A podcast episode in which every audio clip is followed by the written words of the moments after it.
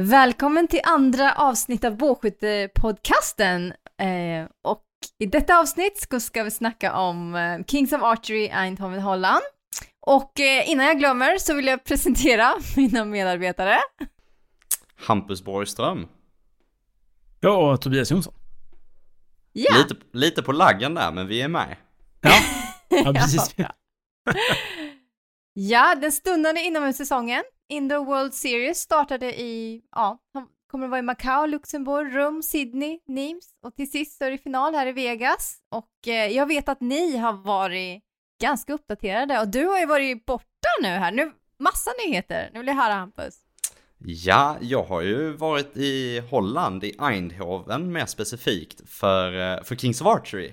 Ja, Fantastiskt rolig tävling. Eh, det var grymt tävlingsupplägg och, eh, och en fantastisk arrangör. ja. Eh, jag var där med bågar och pilar. Eh, och eh, några andra svenska skyttar också. Varav en av dem eh, gick ju faktiskt till final och slutade nia utav ja, 370 skyttar i, i compound elitklassen. Eh, Ja, det är helt galet. och jag tror att vi råkar ha honom på tråden här. Faktiskt. Ska vi se om lilla Linus Strömberg kan komma in i samtalet. Vi ser. Vi ringer. Och förresten, Bågskyttepodden är i samarbete med Bågar och Pilar som ni hittar på www.bagarochpilar.se. Vi är så otroligt stolta över att ha med Bågar och Pilar. Tack så mycket! Oh, där kom han in. Har vi en Linus? Nämen, Nej men, Välkommen, välkommen, till Välkommen! Bågskyttepodden. Tack så hemskt mycket. Vi satt och snackade lite om eh, Kings of Archery. Mm. Vad, eh, och Linus, du var ju med oss ner till Eindhoven i Holland.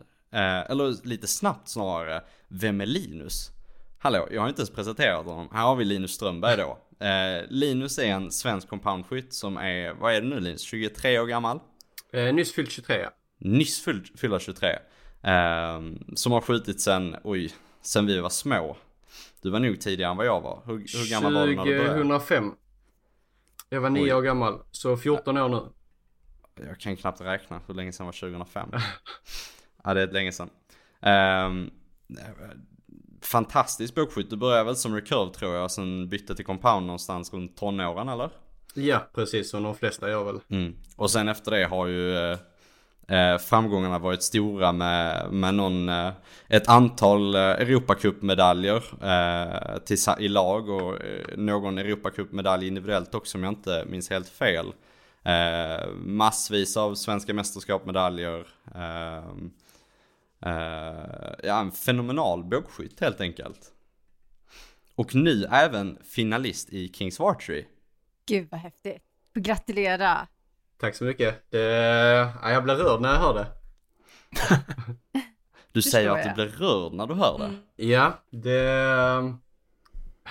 Jag, är- jag är inte van vid att höra det. det, det Men det är du som har presterat det. Tack. Men det, det, känns så, det känns inte som det är jag som har gjort det när jag får höra det så här.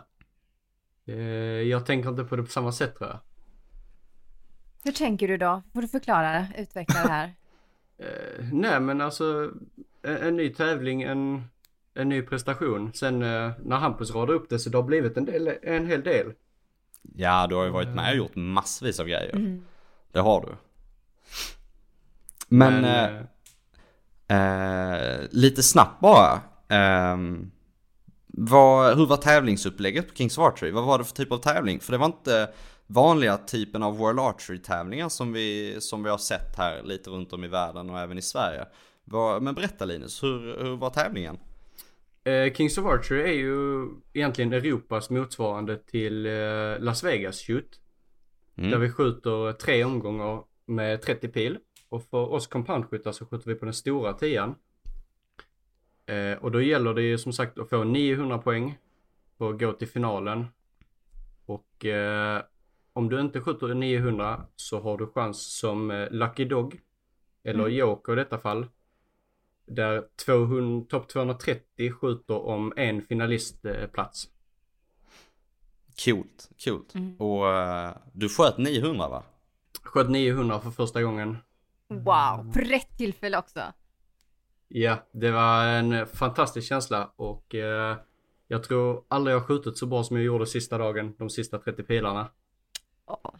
Jag var där och såg det. Det var helt otroligt. Alltså, Jag, jag får bara här gåshud när jag tänker på, för jag vet vilken, vilken prestation det är alltså. Bara hålla allt i schack, det är så imponerande. Mm, Det var 27x va? 27x ja. Ja. 297 Va? då är motsvarande Well Archer i poäng. Ja, utav precis. 300 helt enkelt. Ja. Ja, det är ju riktigt bra, riktigt bra. Ja, det är helt otroligt. Helt otroligt. Var du aldrig nervös? Alltså, eh, det, jag brukar säga första pilen är alltid nervös. Första pilen tar jag alltid ner varje gång.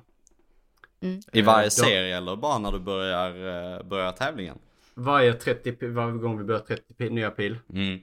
så tar jag alltid ner första pilen bara för att jag vet att jag vill inte skjuta den här för att missa. Utan jag vill känna mig 100% bekväm när jag skjuter den. Ba, bara blivit en sån grej. Men sen hade jag precis när vi bytte för eh, efter första dagen så skjuter man 60 pilar. Mm. Efter hälften så byter man. Så första 30 pilar så skjuter AB nere och sen byter man efter 30 pilar så AB skjuter upp och CD nere. Eh, dag, dag två så byter man efter 15 pilar. Och det var egentligen de två första pilarna efter vi hade bytt. Då var det lite skaket och då hade jag två stora tior. Sen hade jag sista pilen. Den var, den var skakig. Den var nervös. kan jag förstå. Ja. Vilken tanke var det som gick igenom huvudet där på sista pilen? Minns du det? Ja, jag, jag minns det ganska exakt på pricken. Det, det var samma sak som när jag sköt i nio- eller 899 för två år sedan. Mm. Eh, hade massvis tid, hade skjutit två snygga kryss och visste att jag behöver bara skjuta, behöver bara skjuta en stortia. Mm. Eh, dra upp och allting bara börjar vrålskaka. Oj. Jag kan inte hålla mig på, knappt på tapeten. Men har inte tid att ta ner och tänker bara att dra och tryck och lita på ditt skott. Lita på att den kommer att sitta i tian. Och sagt och gjort, jag drog, tryckte, skottet small. Jag hinner inte se var den har tagit innan jag vänder mig om. Men jag vänder mig om och möts av eh, fistbumps. Och eh, får då beskedet att jag, jag klarade liksom. Jag sköt, jag sköt 900. Wow. Coolt. Coolt. Åh gud. Ja, det är så häftigt. Det är så häftigt. Jag får gåshud just nu bara Ja, jag med. Jag vet inte vad, jag bara, åh, den, åh, Ja. den, måste- den glädjen, alltså, inombords. Va? Ja, Ja. du, du är inte så många, det är inte så många som har gjort det i Sverige heller va? Det är bara Morgan innan va? Eller har vi någon mer? Eh, Morgan har väl skjutit i Las Vegas. Eh. Men jag tror inte det är någon annan som har gjort det. Nej, grymt. Nej, inte på Kings of Archery i alla fall. Är det inte.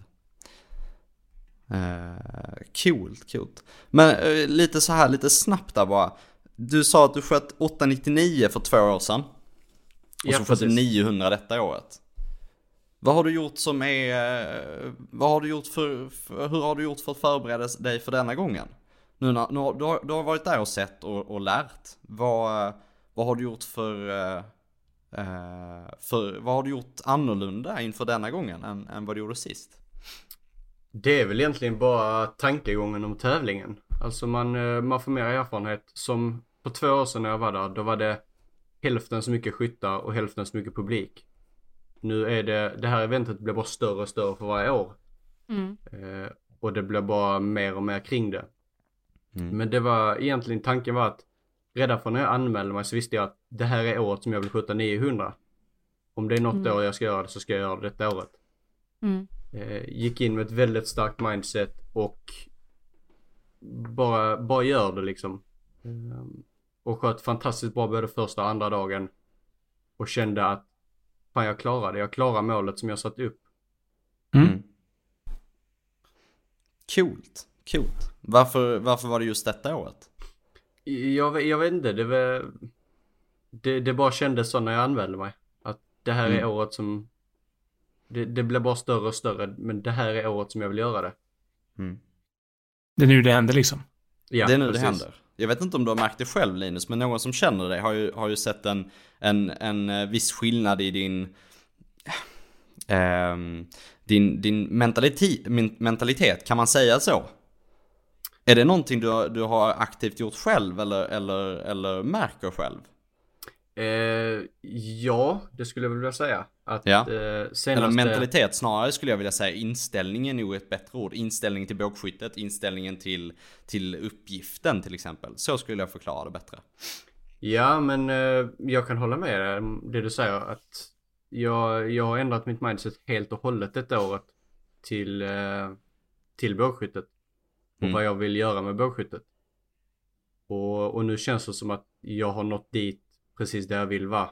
Och Mm. nu ska jag bara lyckas hålla kvar vid det. Coolt, coolt. Nej, superhäftigt att se. Men eh, finalen då? Hur... eh, det, det måste ju vara det fräckaste någonsin. För alla som inte vet Kings of Archery så är det ju en stor show över det hela. Där är mycket spotlights, där är en speaker som pratar eh, konstant hela tiden. Eh, där är massvis av stora, stora resultattavlor, skärmar som går hela tiden. Jag tror till och med att eh, du Linus, eh, Joakim Limås och även jag var livestreamade under hela våra kval första dagen. Eh, så att vi hade en stor skärm över oss och, en kamera rakt i ansiktet. Där vi såg oss själva hela, hela dagen. Ja, Eh, precis. Det stämmer. Det, Hur kändes det då? Alltså var, varje gång du drar upp din pil och ska börja sikta så ser du dig själv på en 3 gånger 3 meter storbilds-tv varenda rörelse du gör. Eh, och, och det är liksom, du får en direkt feedback hela tiden och det rör sig konstant i synfältet. Så det, det, det är ett moment man får jobba med men det är ju såklart coolt. Ja, det var väldigt häftigt att se för jag, jag kollade... Eh, jag var ju inte med så jag fick ju kolla på distans helt enkelt. Och ni var ju med i stort sett hela kvalet ja. Ja det var vi. Var det enkelt att följa hemifrån förresten? Mm. Det var, det var jätteenkelt att följa live. Eh, det har varit lite problem att följa... Jag hade inte möjlighet att se finalen live till exempel. Och hitta finalen efteråt har varit lite stökigt. Men det, det gick till slut. Mm. Mm. Men... ehm, ja, riktigt, alla- riktigt häftigt att se på också. Ja, verkligen. Jag tycker alla ska ta och googla Kings of Archery eh, Eindhoven 2019 så kan ni se Linus i finalen. Eh, och lite om finalen var, eh, alltså det är ju en sån show. Det är sån show. Det är nedsläckt i hela hallen. Eh, folk är uppe på läktarna. Eh, det är ju bara massa spotlights överallt. Jag vet inte om eh, det finns säkert någon som är, ja men det är lite som Super Bowl i bågskytte ungefär. Fast en lite mindre, mindre version av det. Eh, hu- Hur var det Linus? Alltså det är som du säger, det är, det är rätt galet. Det, det är ju den, det är lite, det är lilla Las Vegas. Ehm, Det, det är mycket spotlight, mycket ljus, väldigt mycket publik. Eh, och det, det är så stort jämfört med vad vi har här hemma i Sverige och vad jag någonsin har varit på finalbanor eller någonting runt om i Europa. Blir man inte lite starstruck också? För det är ju Stefan Hanser och Schlosser och det är ju Cassins. Alla står ju där på linjen alldeles intill dig liksom. De Det inte det. största av de största. liksom. Ja, och då är ju även, det är ju alltså, eh, om man kollar, kollar man på Steve Anderson och Braden Galantine och Rio Wild, de här, de, de sköt ju inte 900, det måste kännas rätt bra. Jo, det, det är klart när man, eh, alltså och, och få sitt namn uppropat tillsammans med världseliten och få gå in och ställa sig på finalbanan i den största klassen, de bästa skyttarna och liksom på den röda mattan. Det, jag kan inte sätta ord på känslan.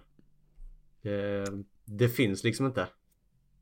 Jag har en fråga där. Jag bara undrar, vi som står i Sverige i våra klubbar, alltså hur har du förberett dig? Men alltså, jag har varit och skjutit i Vegas, alltså jag har sett alltså Kings, det är helt imponerande. Men hur har du klarat, hur har du förberett dig rent mentalt? För det är stor skillnad att stå hemma, hemma i sin klubb och skjuta och sen ut där ute. Hur har du liksom mentalt förberett dig? Ja, men det är, så, det är enorm skillnad på att skjuta en sån här stor tävling och skjuta ett DM hemma i Skåne. Ja. Det, men Hur klarar du av att göra det hoppet? Nu har vi ju, i Trelleborg så har vi väldigt tuff konkurrens. Jag Mm. tror det bidrar mycket till det. Okej. Att vi ligger hela tiden och pushar varandra på, på, tä- på träning. eh, Mm. Till skjuta högre och högre och högre poäng. Sen så uh, gör vi alltid helgen innan Kings of Archery så skjuter vi en uh, tävlingsform som är precis som Kings. Vi skjuter 90 pil och så målet skjuta 900. Och det hjälper till viss del men sen är det bara att man ska ha ett mindset att ingenting är omöjligt. Det, att skjuta där är teoretiskt sett precis som att skjuta hemma. Ja, det gäller bara att hålla fast i det antar jag. Ja, jo men, jo, men det är väl så. Det, ehm, det är 90 pilar som ska skjutas och visst det kommer pulspåslag men, men det är helt hur man hanterar det. Man, Mm, jag, jag har även förstått att det är väldigt svårt att, liksom, em, att vända på det i och med att eh, istället för att träffas så, så, så får du inte missa att det blir mentalt liksom eh, att det vänder i, hjärnan lite att eh, det är svårt att ställa om till det. Precis, precis. Det värsta du kan göra det är ju att eh, sikta på stortian. Siktar du på stortian så kommer du aldrig träffa stortian. Utan man får gå in precis som en vanlig tävling att jag ska skjuta på krysset. Det är precis som World Archery Scoring. Mm. Och då, då sitter de i krysset.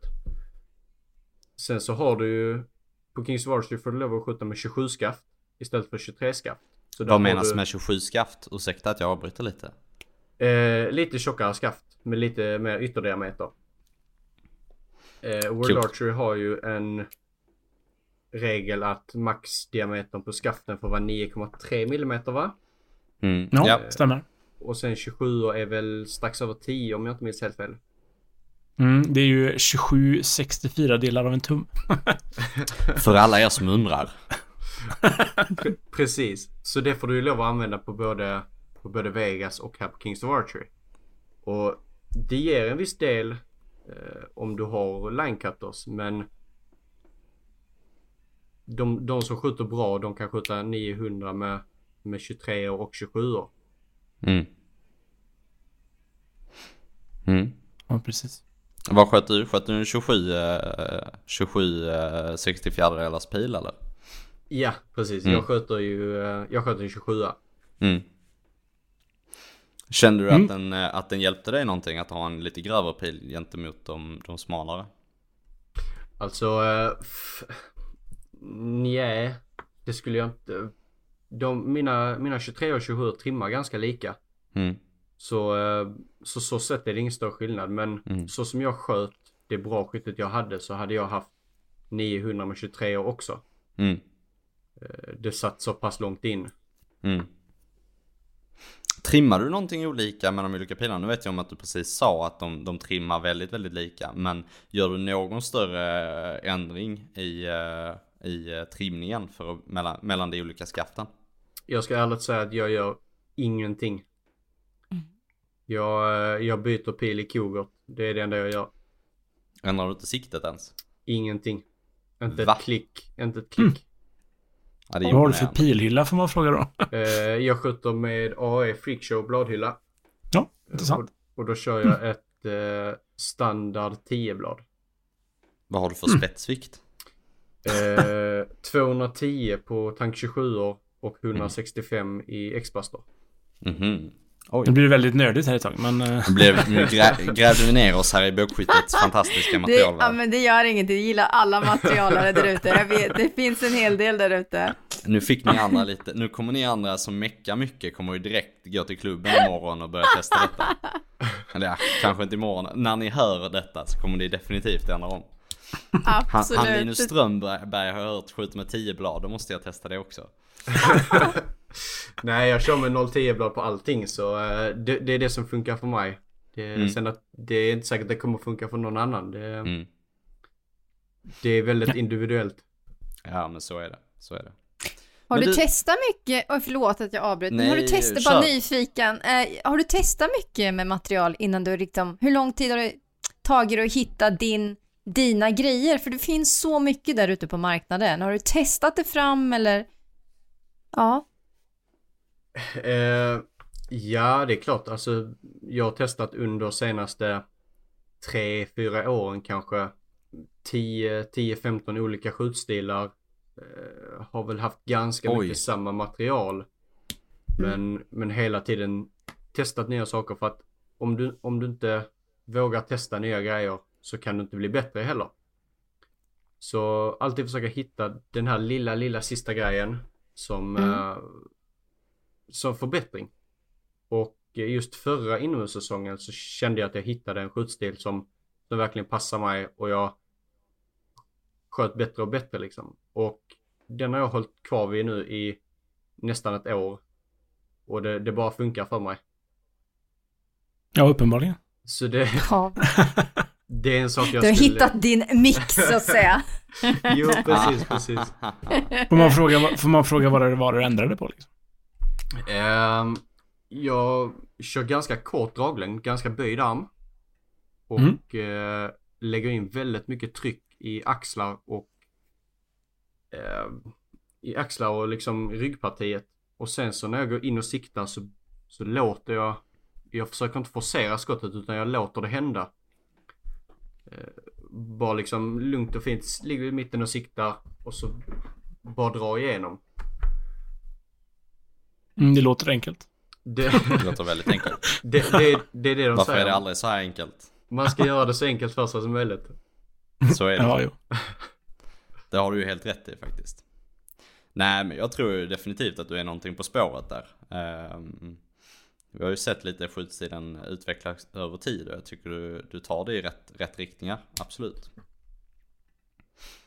Men eh, vad sa du, 10-15 skjutstilar över hur många år? Över kanske men, tre, fyra år. Oj, då har du ändrat rätt ofta. Det är ju nästan varannan månad. Var tre... Ja, det är tre om året ungefär. Det var Ja, så alltså, en, en gång i det- kvartalet som du har ändrat, ändrat skjutstil nästan. Ja, ungefär. Sen, sen har det inte alltid varit jättestora grejer. Ibland är det kanske bara handinsättningen, hur, hur man lägger in axlarna, hur man ankrar, Eh, skjutrutin eller vad som helst.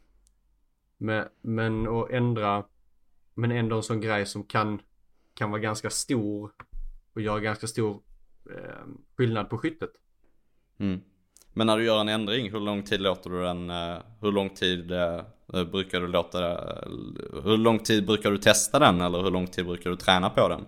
Innan du känner att eh, det, det sitter och att detta är en, detta är en förändring till det bättre eller om det, det är till det sämre. Jag, bru- jag brukar försöka ge det ungefär 3-4 månader. Mm. Och funkar det inte då så, så kollar jag på vad var det jag ändrade? Eh, hur kan jag, ska jag gå tillbaka som jag hade det innan? Ska jag se om jag hittar något nytt? Ska jag se om jag kan experimentera lite med detta och ta lite härifrån och lite härifrån och lägga ihop Mm. det och se vad det kan bli för någonting. Mm. Så det är hela tiden den här nyfikenheten av att kunna, kunna bli bättre och hitta någonting som funkar lite, lite bättre. Mm. Mm. Ja, precis. Ta, tar du en sak i taget eller? Jag har ett problem som jag ofta, jag vill också ändra grejer, testa lite sådär, så kan man testa en grej som blir bättre, så direkt vill man så bara, undrar om det går ännu bättre. Sen ändrar man något mer till, alltså, och så funkar ingenting plötsligt. Exakt. Nej, alltså, det, jag försöker hålla det så ganska, alltså ganska, ändra ganska snarlika grejer eh, åt gången. Så att man inte ändrar en sak på A och en sak på Ö som inte riktigt funkar ihop. Ja, precis. Utan säg att jag skulle ändra hur jag gör min handinsättning. Så gör jag det men jag ändrar samtidigt inte hur jag ankrar. För att då, Nej, har, jag, då har jag två olika sidor av spektrat som, som på något sätt ska eh, funka tillsammans men ska ändå provas på nytt. Mm. Så försöker ta en, en stor grej i, saket, eller i taget. Men det låter ju ändå som att du har en rätt så vettig plan där. Absolut. Men så med din nya skjutstil och lite sådant. ehm, hur, eh, jag är ju fortfarande inne tillbaka på det här med finalen. Eh, jag kan inte riktigt släppa det. Hur, eh, hur kändes det? Kändes det stabilt i finalen med, med den nya skjutstilen och, och den, nya, den nya inställningen till, till bågskytte? Eller den nya mentala strategin? Eh, ja, det kändes betydligt stabilare än vad jag hade förväntat mig. Jag, ehm, redan efter jag hade skjutit 900 gick och tänkte lite på att nu ska vi skjuta finalen om några timmar. Så tänkte jag Mm. att fy fan vad nervös jag kommer vara. Jag kommer inte kunna skjuta en pil. Mm. Men när, då, när speakern kommer och kallar på oss och vi går in bakom för att bli introducerade och gå in på, på scenen. Så känner jag bara att Mm. fan vad kul detta ska bli. Inte, inte nervositet utan bara fan vad kul detta ska bli. Mm. Istället Eh, Hade, för... du, hade du tid att ta ner första pilen nu då? ja men det, det var mer en sån här inställning att istället för att få det ångestladdat att det här kommer att bli så jobbigt. Så istället vända det till något positivt att satan vad kul detta kommer att bli. Nu ska jag bara gå in, ha kul, göra min grej och så får det gå som det går. Jag har tagit mig hit och, och det är mer än nog liksom. Mm. Coolt. Coolt. Även det gick ju rätt bra där också, för jag bestämde för mig att du hängde i i alla fall i typ tre rundor. Du åkte ut tredje rundan kanske. Tredje rundan åkte jag. Jag sköt eh, två lite skakiga skott på första. När vi gick in på eh, eh, World Archery Scoring som är innerkrysset då. Och fick de eh, två första utdömda av domaren. Ja, jag, Ja. jag som satt där rätt så nära, jag trodde definitivt att de två var inne. Att det var två stycken eh, kryss eller två tio du hade där. Men eh, jag och domaren tyckte inte helt lika, helt enkelt. han domaren han var... Vi ska inte säga något ont om han men han var väldigt sträng. Nej, vi ska försöka, även om man kanske inte kan svenska, kan vi försöka att inte säga någonting ont om, ont om den stackars domaren i de här Nej. Nej, men jag vet att det var fler som var lite missnöjda tror jag. Inget Ja. ont om honom men, eh, men han var li, lite på den stränga sidan. Och det var fler som också tyckte det. Ja, oh ja. Det var många pilar som var eh, lite oklara även för, eh, även för, för den, eh, även för eh, den, eh, den som vann och även, eh, även tvåan, Stefan, eller Mike Schlosser blev tvåa och, Ma- och Stefan Hansen, Hansen vann. Där var ju Mm. några pilar som var lite, lite oklara. Ja, precis, precis. Men det blev som det blev. Det, det är inget som kan göras åt i efterhand. Och, och det är i slutändan domarens beslut som gäller. Domaren dömer som man säger. Precis. Ja, men coolt, coolt. Jag vet om att ni, ni fick ju eh, gå in där till en, eh, till en låt också. Detta har varit, eh, detta har varit mitt mest omtalade ämne, för detta tycker jag är roligast att prata om.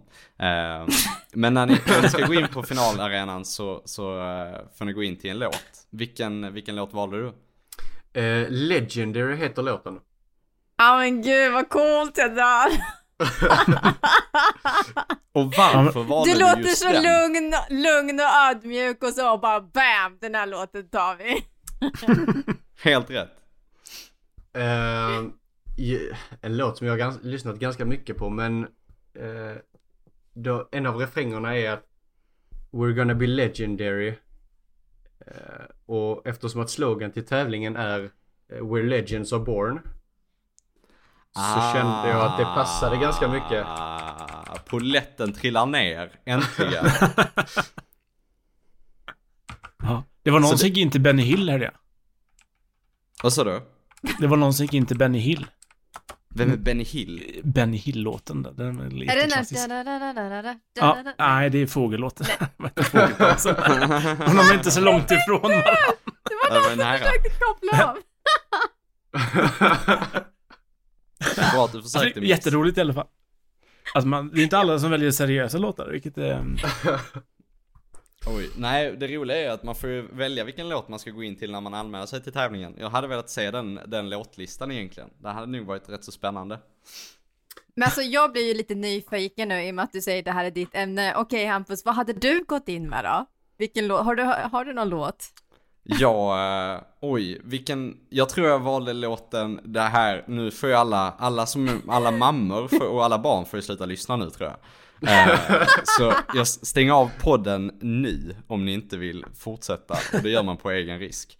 Nej, eh, nej så illa var det inte. Men jag tror jag eh, tryckte in låten eh, Middle Child med eh, Eh, vem är det som har gjort den? Det är J. Cole som har gjort den. Eh, och ett andra val var ju låten Power med eh, Kanye West. Eh, Men roligare hade ju varit att gå in till typ, jag vet inte, Björn Rosenström eller någonting. det, hade jag, det hade jag nog tyckt var roligast, men, men så kan man ju inte göra. Så att, eh, Så att eh, jag får ju hålla det lite, lite, lite seriöst. Jag hade nog valt Batman-teamet från 60-talet tror jag. Det hade varit. Nej vad roligt! Oj vad bra! Mix då? Vilken har du valt? Det är ju... I'm sexy and I know it. Oj, oj, oj, oj, oj. Måste, du vet, eh, nej jag skojar bara. Det är högt och lågt här. Det är väldigt, väldigt högt i tak. Plisa sponsorerna. Så är det. Det måste man ju göra. Ah, fy vad roligt. Det låter som att vi måste åka till Kings of Archery nästa år. Absolut, jag är på. Det hade varit By, grymt by the way, eh, en annan fråga. Eh, jag vet att Vegas, om det var första gången förra året, eller för förra året, där eh, man tog bort eh, eh, man tog bort eh, könsklasserna på, eh, på Pro eh, Open-klassen, liksom, den högsta klassen. Är det samma i Kings of Archery? Nej, det är det inte. Det är herr och dam där. Det är här och dam. Ja, okej. Så att det är... Eh, det är genusbestämda bestämda klasser. Eh, där det finns en compound men, compound women. Men de har däremot lagt till eh, eh, barebow till Kings of Archery. Så alla ni eh, fantastiska eh, barebow-skyttar ute i vårt avlånga land eh, ska ju definitivt titta på Kings of Archery i Eindhoven till nästa år. Ja, verkligen. Det finns, de eh, la även till eh, masterklasser, va? Eh, Master, fem- masterklasser 50 också. plus. Det, och där hade vi en svensk som tog pallplats. Ja, just det. Hade vi. Eh, Morgan Lundin från, eh, från eh, Lindome tog, blev ju an, tvåa blev han va? I, eh, I masterklassen i compound herrar. Han är ju van att stå på pallen om man inte annat. Oj det är han. Oj oj oj. Han har ju så många vinster så att det inte är sant. Det är galet. Han är cool, är han. Har vi, har vi Linus med oss fortfarande? Jag hänger kvar här. Gud vad bra. Vad bra. Den här lite bakgrunden. Linus, jag har en fråga. Vad, har, vad är ditt nästa stora mål nu? Efter det här? Eh, nu är det väl lite svenska tävlingar som är på gång. Sen är det Berlin Open om Mm. två, tre veckor ungefär. Sen efter det så får vi väl se vad som händer. Men tankarna går väl lite på Las Vegas. Eh, Skjuta den. Och sen efter det så blir det ju utmussäsong. Då rullar det på för dig ändå här. Med resor och skjutning. Ja, det... Man, man får passa på när det går bra. Ja, verkligen. Mm, verkligen. Ja. Har, Har du du skjutit någon- Berlin innan? Har, vad sa du? Har du skjutit Berlin innan?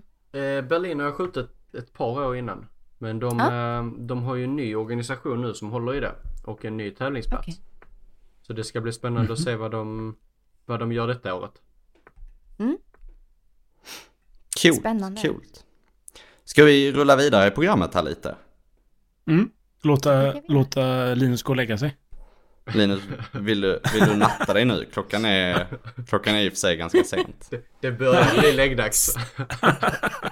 Stort, stort, stort tack. Linus för att du var med och eh, dela med dig av, eh, verkligen, verkligen ett stort tack. Det är verkligen stort av dig också att de- komma och dela med dig eh, av din resa. Eh, jag, tycker, jag tror många ty- kommer att tycka att det är jätteintressant att lyssna på det. Och lycka Tack. till nu i Tack så fortsättningsvis. mycket. Tack så mycket för att jag till. fick vara med. Tack, tack själv, ha det gott. Ha det. Hej. Så. Och det var Linus. Ja, riktigt intressant att höra om... eh, Ja, verkligen. Ja, verkligen, verkligen. Han är, han är supercool, är han. Han, eh, han är ju eh, eh, en av de mest lugna bågskyttar jag känner faktiskt. Otroligt nog. Otroligt, otroligt nog. Otroligt nog. Nej, men, nej, men han är, han, nej, nej, nej. Han är nog definitivt den lugn- lugnaste bågskytten jag känner. Han, han har ju inte den här... eh, Jag tror inte han känner nerver som vi andra ibland. Det, det är lite, lite galet. Jag har skjutit, eh, jag har gått någon, eh, jag har skjutit 3DS med Linus en gång och det var riktigt roligt. Han, han tog det riktigt med klackspark. Det var bland de roligaste tre rundorna jag någonsin gått tror jag.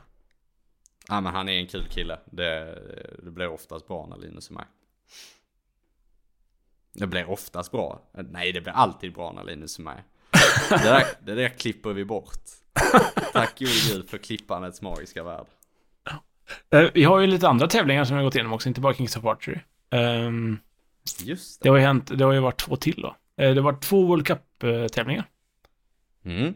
I Både Macau och och Luxemburg. Just det. Mhm. Ja.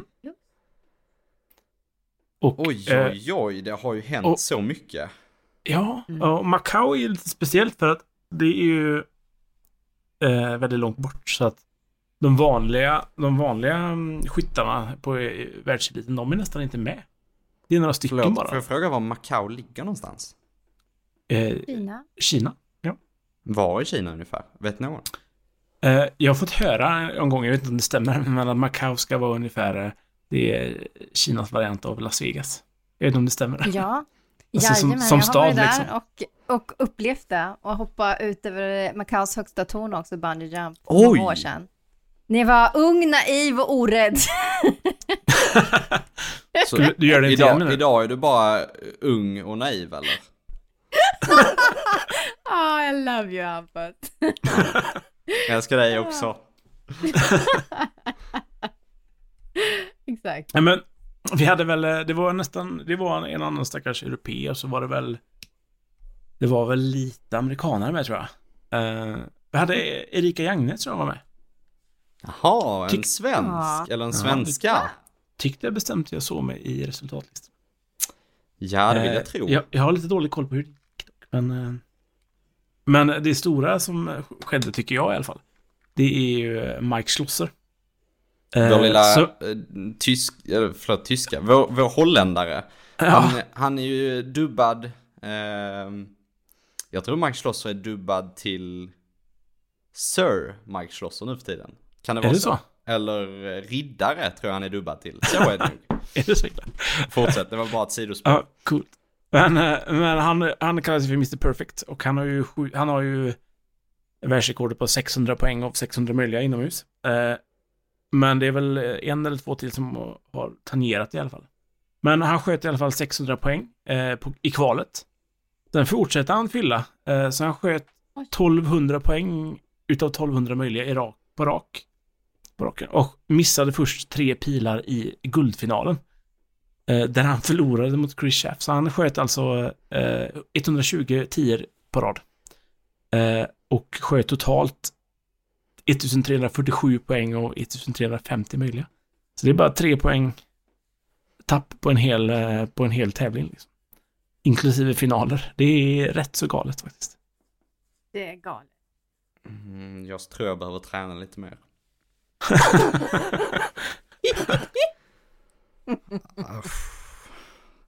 Ja, men man, man, jag ska inte vara sån, han är ju en imponerande kille, alltså helt otroligt. Eh, och han är ju den bästa bågskytten någonsin, så, så får man ju säga. Eh, men, han är dock eh, känd för att ha lite problem eh, i sista skotten liksom, i, i finaler och Precis. sånt där. ja, Så, men han brukar leda med så mycket så han vinner ändå. Exakt, han kan liksom missa en pil och vinna ibland. Det är helt, Ja, det- inte riktigt missa men... Nej, men, Men jag vet att han har det- skjutit en sjua eller en åtta i, i guldfinal och vinner ändå. Ja, nej, Det, är finns ju helt- ingen annan som kan göra det. Nej, och han kommer för evigt bli känd för detta. Nej, det är helt otroligt. Men Och hade vi så- några andra spännande resultat?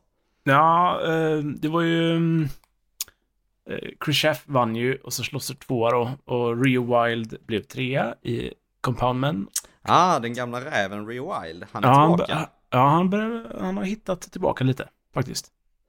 Eh, och i Compound Women så vet jag inte riktigt vad som hände, men Page Pierce eh, eh, tappade plötsligt i guldfinalen så att en helt ny, det är det som gör också att i och med att det inte kommer en massa, den vanliga världseliten kommer så får man se lite nya namn. Så var det en som heter Andrea Robles, tror jag, från eh, Filippinerna som blev- vann. Eh, Vänta, och det är va? Detta måste ju vara den första filippinska guldmedaljen i compound i alla fall, någonsin. Ja, verkligen. Ja. Och sen så blev Sarah Preels från eh, Belgien nedanför va? Hon blev tre. Ja, Eh, coolt. Sen så var det nästan eh, uteslutande koreanskt på rekurv.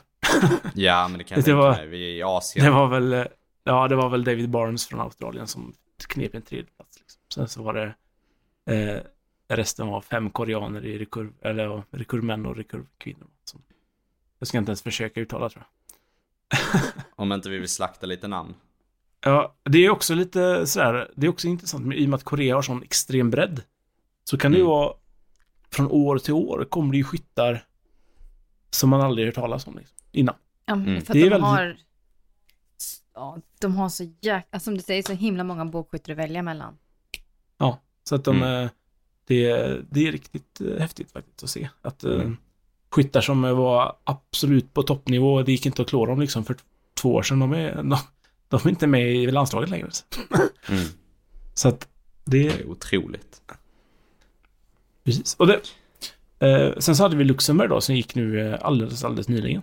Just det. Eh, och där har vi Mm. också, där hade ju lite konstigt eh, världsrekord. Eh, från Lite Ella Gibson. konstigt. Ja, inte konstigt. Det blir, nej, inte konstigt. Eh, Ella Gibson från eh, England, eller Storbritannien, sköt nytt världsrekord på 596 eh, poäng. Utav Ja, det är 600 helt möjliga. otroligt. Det är ju Eh, starkt. Eh, och det var Erika Jones som hade det före, tror jag. Och I och med Helt att hon var rätt 19 på, år... eh, I, i, ja? Ja men det var helt rätt. Erika Jo- Jones hade det innan på en poäng mindre på 595. Så, Ja, så precis. Ella Gibson höjde ju världsrekordet med en poäng där. Ja, och så var hon 19 år bara, så att hon... eh, Det blev ju även ett juniorvärldsrekord. Oh. Var hon Så hon slog 19 ett- år och sköt 596 poäng. Mhm. eh, och, men då, Ska men du träna kval, nu, Hampus? Jag ska Så- åka och träna. Ehm, sen var det lite taskigt då för eh, Janine eh, Meissner från eh, Tyskland, som, eh, för att eh, kvalet var uppdelat i två dagar. Så att eh, dag två, då skjuter hon också 5,96, men hon får ju inte världsrekordet, utan hon tangeras ju bara. Hon tangerar ju bara världsrekordet. Aj, aj, aj. Ja, lite taskigt. Så är det när man är en dag sent. Hade de skjutit samma dag så hade de, eh, hade de fått dela på världsrekord. Ja. Men det som blev lite konstigt då var att eh, trots att de sköt världsrekord så blev eh, Ella Gibson tvåa för att de lottade om första platsen för de sköt exakt samma poäng. Nej. Så det är Så ju hon lite som blev världsrekord, hon fick, ja ja. Men då fick Ja, hon sköt världsrekord och, för, så blev rankad tvåa, det är lite taskigt. Det är Eh, ja. Eh, sen så var det också angående, det är inte bara eh, Max Schlosser då som i, i Macau sköt eh, så extremt bra, utan det är ju fler. Så där vi har ju diskuterat det innan att vi kanske skulle behöva kika på en, eh, en annan tapet, tavla inomhus helt enkelt. För att på herrsidan var det 24 personer som sköt över 590 poäng. Mm. Två som sköt 599, tre som sköt 598 och tre som sköt 597, så det är extremt tajt. Eh, tänkte, jag skjuta, tänkte jag skjuta 597 poäng och bli placerad, eh, eller bli rankad femma i kvalet. Måste vara... Ja, det, ja men det är helt galet vilka resultat vi ser. Vi ser ju även de resultaten på, eh, på herrsidan egentligen. Eh, Ja, det är detta är... Eller på, på Ja. recurve herrarsidan menar jag, förlåt. Ja, ja. Eh, Jo. Med, med Crispin Duenas som sköt 590 höga poäng någonstans. ja. Jag kommer inte ihåg vad han Så- sköt, men eh, ja. Ja, det var, det var rejält var det. Ja, det är ju också... mm, eh, Brady Ellison är också där uppe och... Mm. Eller det är ju framförallt han som är uppe och kör de höga poängen hela tiden. Mm. Liksom. Mm. Han var inte med i Luxemburg av någon anledning. Det var lite... eh, Vi ser väl att eh, det är rätt så, jag ser Tyskland är ju väldigt eh, engagerade i världs eh, inomhusserien. Men jag tror många länder eh, skjuter utomhus just nu. Jag vet Storbritannien eh, har- åkt på träningsläger.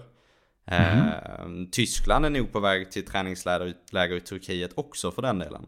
Jag tror Ja, de det flesta länder börjar eh, bunkra eller eh, förbereda sig inför OS 2020. Så kan det vara. För, för det, men det är Mm. även på compound så är det många som inte kommer. Så att jag, Mm. är det, är det, nu vet jag att det var en del på Luxemburg, för jag vet att det är många som slår ihop Kings of Archery och Luxemburg. Att när de ändå är i Europa liksom, Mm. eh, och i nästan eh, liksom grannlandet så... Så, Så tar eh, de det i ett svep. Ja, precis. Ja, Men- och s- Men jag vet att de la ju om eh, inomhusserien, World Cup-serien. Så jag vet inte, beror det, kan det bli för många tävlingar och sådär? De, Det känns som att de har gjort fler tävlingar men de är inte lika välproducerade. Eller är det bara jag som har någon... Så om Mix, har du någon åsikt där? Ja, jag har inte varit... Bra fråga. Jag sitter och funderar. Jag har inte varit ute och tävla på, på gud, sen 2018 sist jag såg. Jag vet inte. Bra fråga. Jag tror det är lite som Tobias säger att eh, det är lite för, jag tror det är lite för eller inte för många tävlingar, men de är lite, kvaliteten är fortfarande jättebra. Luxemburg är en fantastiskt bra tävling och lika så är ju säkert den i Macau. Eh, Men jag tror, jag tror produktionen på dem har, eh, har sjunkit lite i och med att de har utökat eh, mängden tävlingar. Innan så har det varit tre eller fyra tävlingar på inomhusvärldscupen. Idag har vi eh, sex stycken tävlingar. Eh, så att öka med, med två tävlingar till, det blir ju, blir ju ganska tufft faktiskt för de flesta. Ja, de har spritt ut den ganska mycket också tror jag. Mm, mm. Så att man får åka långt alltså. Ja, jag menar vi har en världscup i Kina, en i Sydney, eh, tre stycken i Europa, fyra, nej tre stycken i Europa och en i, eh, i Vegas då. Det är ju snart alla kontinenter. Det är väl bara Afrika kvar nästan, Sydamerika också. Sen, eh, sen täcker vi allt. Precis. Mm. Jag, jag vet inte hur stort, hur stort är bågskyttet i Afrika egentligen? Man ser ju, Eh. det kommer ju en del sydafrikaner ibland, dyker upp.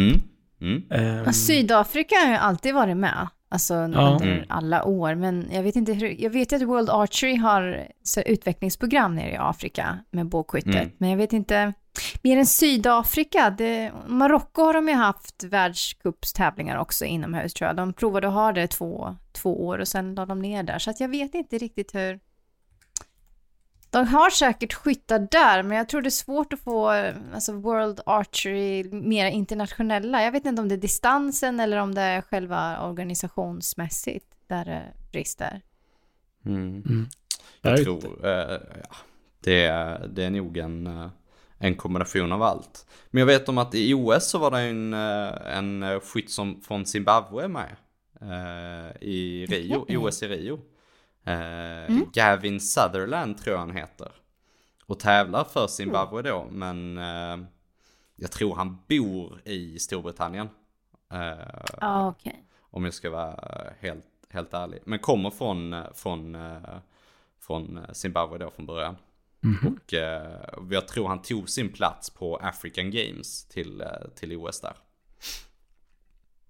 Så de har, där finns nu lite skyttar. Sydafrika är väl de som är mest, eh, absolut mest dominerande. Men jag tror att eh, de andra förbunden kommer nog komma ikapp så småningom när, när VA har, har fått igång Ja. sina, sina utvecklingsprogram ordentligt.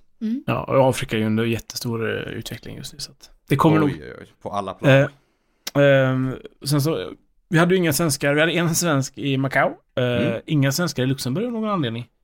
Eh, och sen så har vi Rom och Sydney och Nim kvar. Och Vegas då. Mm. Vet vi vilka som... Eh, vet vi om vi kommer några svenskar överhuvudtaget? Jag kommer vara där. Jag kommer vara i eh, NIM. Mm. Definitivt. Ehm, jag vet Det är också en häftig tävling alltså. Det helt är många, ja, den, fantastiskt. många, som, många som pratar om den tävlingen, rent eh, hur, alltså hur de organiserar det, att det är riktigt show över det hela och stor publik och en, ja, en riktig show. Ja, ja men alltså det, det är nog... NIM för mig är, är den bästa tävlingen på hela året. Jag har så otroligt många bra eh, minnen av den tävlingen. Inte bara prestationsmässigt utan även av hela, hela arrangemanget och staden också. Ehm, eh, alla, det är ju riktig bågskyttefest, så kan man väl säga. Eh, Så att den är, om ni någonsin ska åka på en tävling, för det är öppen anmälan så vem som helst kan anmäla sig. eh, Så länge man är en del av World Archery-förbundet, vilket ni är om ni är medlemmar i Svenska Bågskytteförbundet. Eh, Så vem som helst kan anmäla sig. Så om ni någonsin skulle vilja testa tävla internationellt, eh, kolla på att anmäla er till NIM.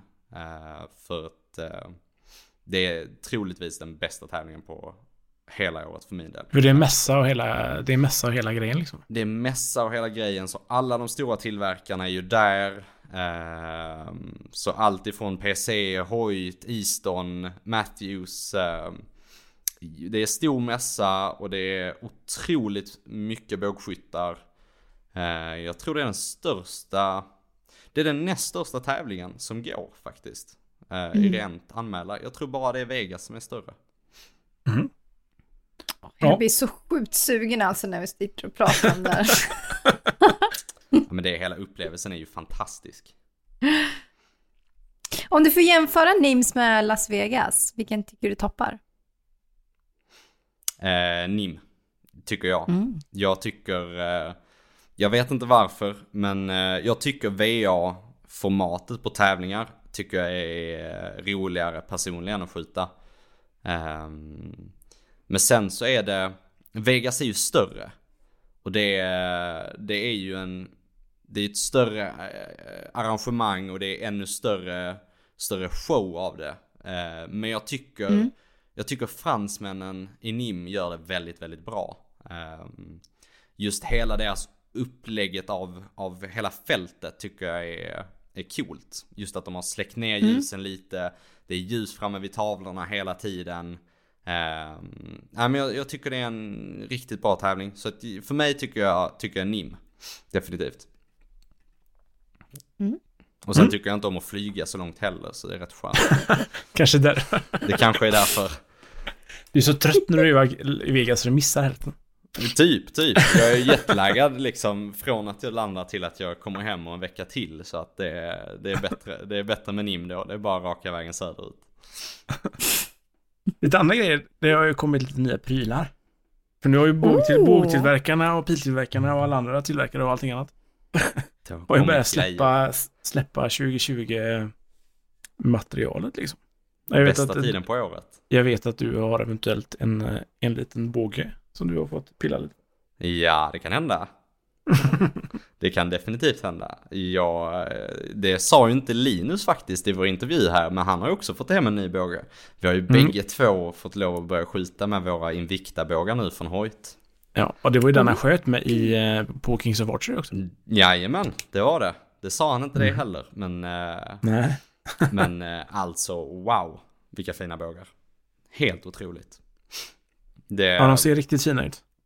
Ja, de är jättefina. Det ska bli så. Nu har jag inte hunnit skjuta med den så mycket. Jag eh, har nästan precis bara landat hemma, hemma ifrån från Kings of Archery. Så att jag, jag har hunnit ta med mig bågen till, till klubben och börja trimma ihop den lite smått. Men, eh, men första, första intrycket av den är, är otroligt.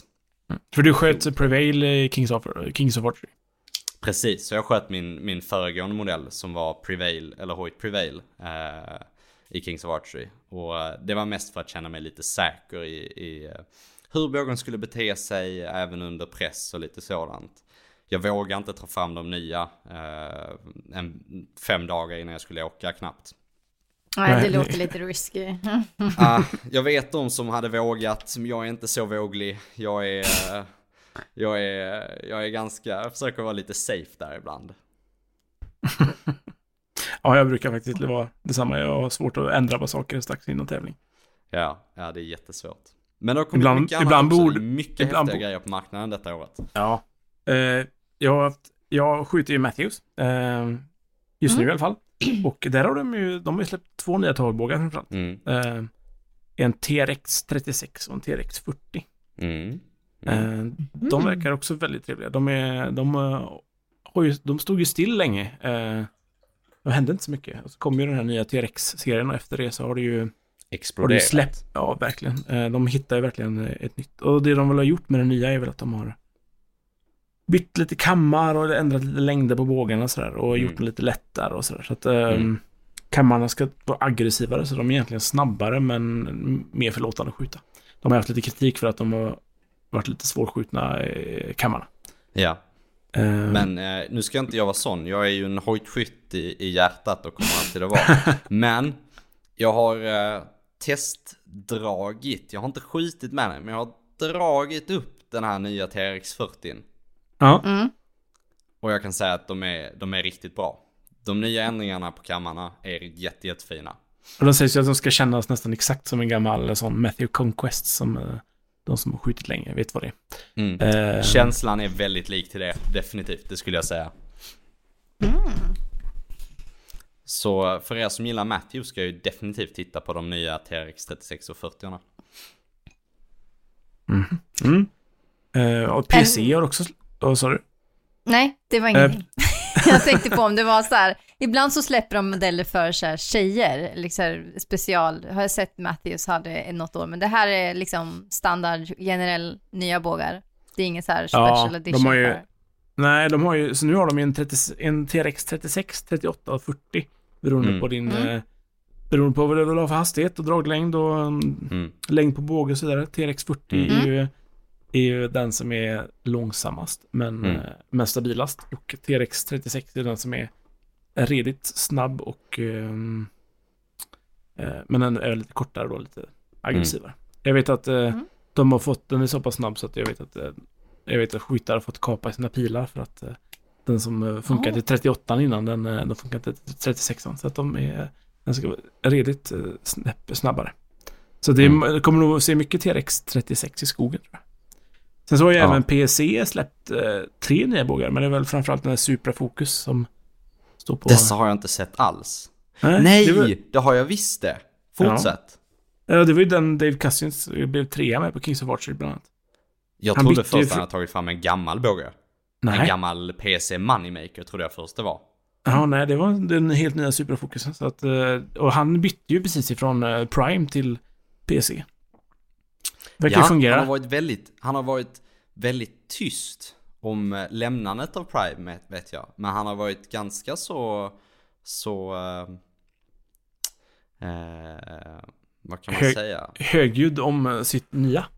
Ja, verkligen. Nej, men det är, verkligen. väl, det är väl kanske rätt, ska jag säga. Vara lite sådär, gå över lite... Göra det snyggt, en snygg övergång. Det skulle jag väl Mm. säga. Mm, verkligen. Men jag har inte så mycket koll på dem om jag ska. Eh, Jag har inte läst in mig på dem alls. Men jag vet Eh, att, jag vet att Easton däremot, de har släppt en ny pil för... In, en ny inomhuspil för rekurrskyttar. Mm, det har Som de. heter, som heter RX7. Som eh, ska vara typ som en... eh, En tjock X10. Mm. Det är En tjock alumi- X10. Ja, men, Ja, men är, typ. det, är, det är egentligen helt... Den är aluminiumpil egentligen. Men som är tjockare på mitten, precis som en X10 är. Mm. Och den... Det är som en... 20, nu ska vi in på nörderiet igen här. Det är som en 2315 i front, i, längst fram. Alltså 9,3 i eh, diameter. Ja. Eller ytterdiameter. Eh, Men i, i spine framförallt. Eh, 2315 fram. Och sen så någonstans på mitten så går den över som i 2312. Mm. Så en 2315 har 340 i spine. eh, Men den här har runt 420. Mm. Så att, eh, Betydligt finns- mycket mjukare pil vid samma ytterdiameter helt enkelt. precis. Så man behöver inte vara så fruktansvärt stark och dra tunga bågar. Eller Mm. man behöver inte ha extremt tunga spetsar för att få det att fungera. Så att, Och den här kan jag ju säga direkt att det, den är ju designad för recurve-skyttar. Eh, och den är tänkt för recurve-skyttar med, eh, med just att den är mjukare i bakändan eh, för fingersläpp. Men som ett litet, ehm, som ett litet lifehack till er som inte, till kanske juniorer. Eller er som inte har så mycket pundstyrka eller kanske inte drar så långt. Men ändå vill ha en, en så, så, ehm, så tjock pil som möjligt för att just kunna kapa linjer. Eh, så kan jag rekommendera RX7 till Compound. Eh, faktiskt. Och Mm. den fungerar ypperligt bra just för er med lite, lite kortare draglängder, lite lägre pundstyrkor. Eh, men som fortfarande vill ha diametern och en rimlig spetsvikt egentligen för att få pilen till att, till att uh, spina fortfarande ordentligt. precis. Eller komma fram. Ja, eller komma nå målet överhuvudtaget. Oj. Nu gav du mig lite ångest här Tobias. Herregud. Nej men det är en jättefin pil. Uh, Eastons aluminiumpilar är helt otroliga. Jag tror inte man kan hitta en mycket rakare pil faktiskt. Nej, precis. Mm, nej. Ja. Om det nu är en rak pil man vill ha. Nej, de flesta fall tror jag. Jag tror det va? Mm. Ja. Det är om man ska skjuta runt hörn och sånt. Jag har hört att det ska vara bra. Då är det grymt med en snedpil. Men, men behöver man nya grejer varje år då? Nu, nu tänker jag att det kommer mycket nytt här, men behöver man nytt varenda år? Nej. Säger Eller- jag som har bytt precis. Nej, men jag hörde en, en teori om det här för ett tag sedan. Att eh, anledningen att, att vi skjuter så riktigt höga, eller vi, att i världseliten skjuter så riktigt höga poäng just nu. Eh, Mm. eh, teorin där ligger att, att just, det var- har varit ett par år nu, ett par tre år, där det inte kommit så mycket nya modeller. Mm. Utan att eh, de modellerna som har legat ute på, de, de, det har varit samma modell i två, tre år. Mm.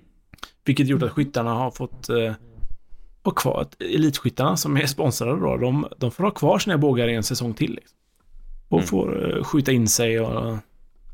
Eh, sen om det är den riktiga orsaken, men det var, det var en teori jag hörde i alla fall. Mm. Ja, men jag tror det man- kan stämma faktiskt. Så, så precis när man har hittat sin, sin perfekta setup och så, så bara ringer eh, sp- sponsorn och säger bara By the way, du ska inte skjuta den bågen längre, du ska ha den här. Exakt.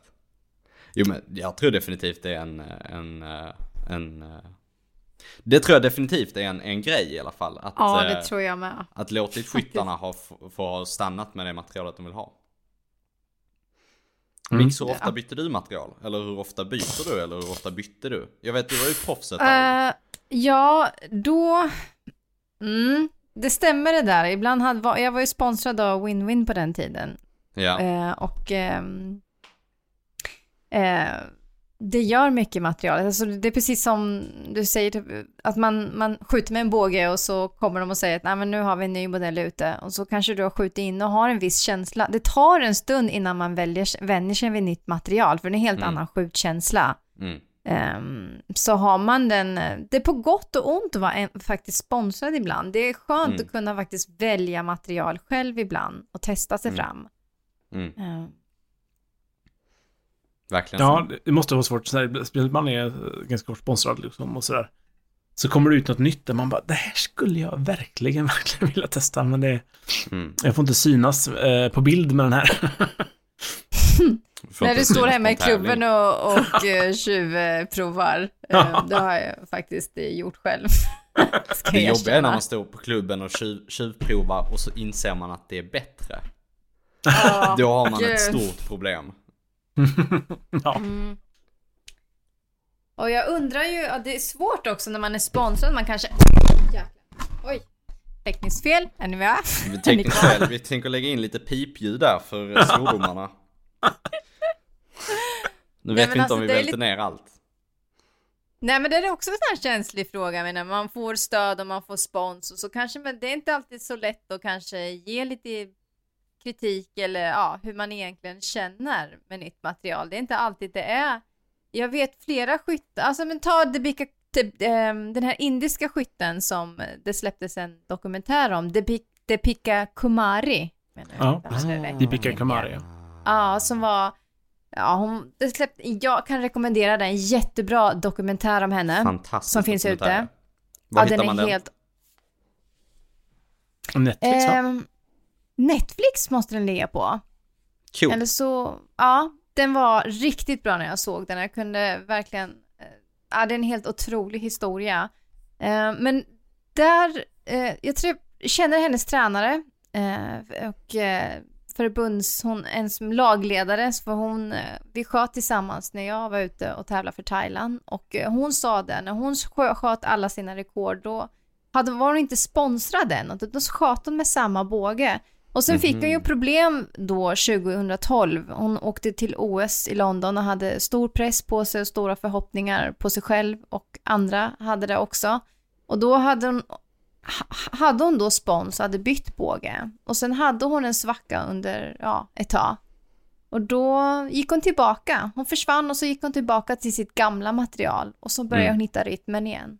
Mm. Så att ehm, det, det, det gör mer än vad man tror. Jag vet inte om det är så på eh, compound-sidan, men på rekurv tror jag det är, för det är mycket, Mm. mycket skjutkänsla där involverat Mm. faktiskt. Och en trygghet med. Oh ja. Vad är det man säger? Allting som glittrar är inte guld, eller vad säger man? Mm, bra citat, det Eller passar allting in som där. glimmar. Nej men jag, det är väldigt likt på compound också, i alla fall för min del. Eh, jag är ju precis, nu har jag skjutit med samma båge här i Oj, hur länge hade jag min för, föregående modell? I tre år fick jag lov att ha den. Eh, och var, har haft mina tre bästa år i min bågskyttekarriär än så länge. Eh, nu ska jag byta för första gången. Jag är verkligen i uppstarten av att byta båge. Och uh, det är svårt. Det, det, ska jag säga. Det, Det är det. Det, är, det är svårt. Det är en helt annorlunda känsla. Eh, jag är inte 17-18 år längre, går i skolan och kunde träna varenda dag eh, fyra timmar om dagen som jag gjorde förr. Eh, Så idag tar det lite längre tid. Och jag tycker, tycker att det är, där är ju vissa, vissa grejer som, som jag måste få rätt på. Men, men jag är helt säker på att det kommer att bli bra i slutändan. Men det är annorlunda, så kan man säga. Ja, men så är det alltid. jag vet att jag har haft lite problem med det där inom åren. Mm. Eh, och eh, när man skjuter till exempel, eh, när jag sköt långbåge till exempel. Eh, det var ju kanske det värsta. Eh, de var ju handgjorda till en själv liksom. De kunde ju ha en helt annan karaktär. Och de kunde ju oftast, oftast då om man siktade då, eller inte siktade, utan jag sköt ju helt... Jag tittade där jag skulle träffa. Eh, och eh, bytte du båge då som helt enkelt träffade någon annanstans. Så var ju hela... Allt var ju off. Det var ju tvungen att, det var tvungen att nötas in liksom. Ja. Så att, nu, jag researchade lite under tiden ni pratade och eh, Ladies First heter eh, dokumentären på Netflix om oh. Deepika Kumari. Ja, Det kan jag rekommendera. Den ligger kvar. ja verkligen. Bra! Ja men se, ni måste se den. Man blir helt rörd och inspirerad. Vilken resa och vilka förutsättningar. Alltså, Mm. Mm. ja. Där hon kommer ifrån, där hon är idag. Mm. Ja, verkligen, verkligen. Eh, vad tror ni? Vad... eh, känner vi oss klara där? Ska vi ta och Ja. börja runda av? Ska vi, ska vi säga så här att vi ger alla, alla lyssnare en hemläxa här? Eh, till, att, eh, till att se eh, dokumentären med eh, Deepika Kumari. Eh, Ja. Och sen så följa Linus Strömberg på Instagram som går under snabela Stromberg Archery. Eh, Och ni som inte har sett hans final, alltså gå in och titta. Kings of Archery 2019 Eindhoven. Där kommer ni kunna se Linus eh, skjuta eh, finalen på en av Europas största tävlingar egentligen. Coolt. Och sen så vill jag avrunda med eh, tacka alla som kom in och lyssnade på första avsnittet. Vi är alla tacksamma. Ja, alltså det är helt Ja. sjukt all responsen vi har fått för det. Det är Ja. så stort tack. Ja, det är så roligt. Jättetack verkligen. Ja, det är svårt att, svårt att greppa. Men Mm. det är många som lyssnar uppenbarligen. Bågskytte är kul, Verkligen. säger de. Ja. Stort, stort tack. Stort tack och vi ses vid nästa avsnitt. Det gör vi. Ha det bra. Hej! Hej då! Hej.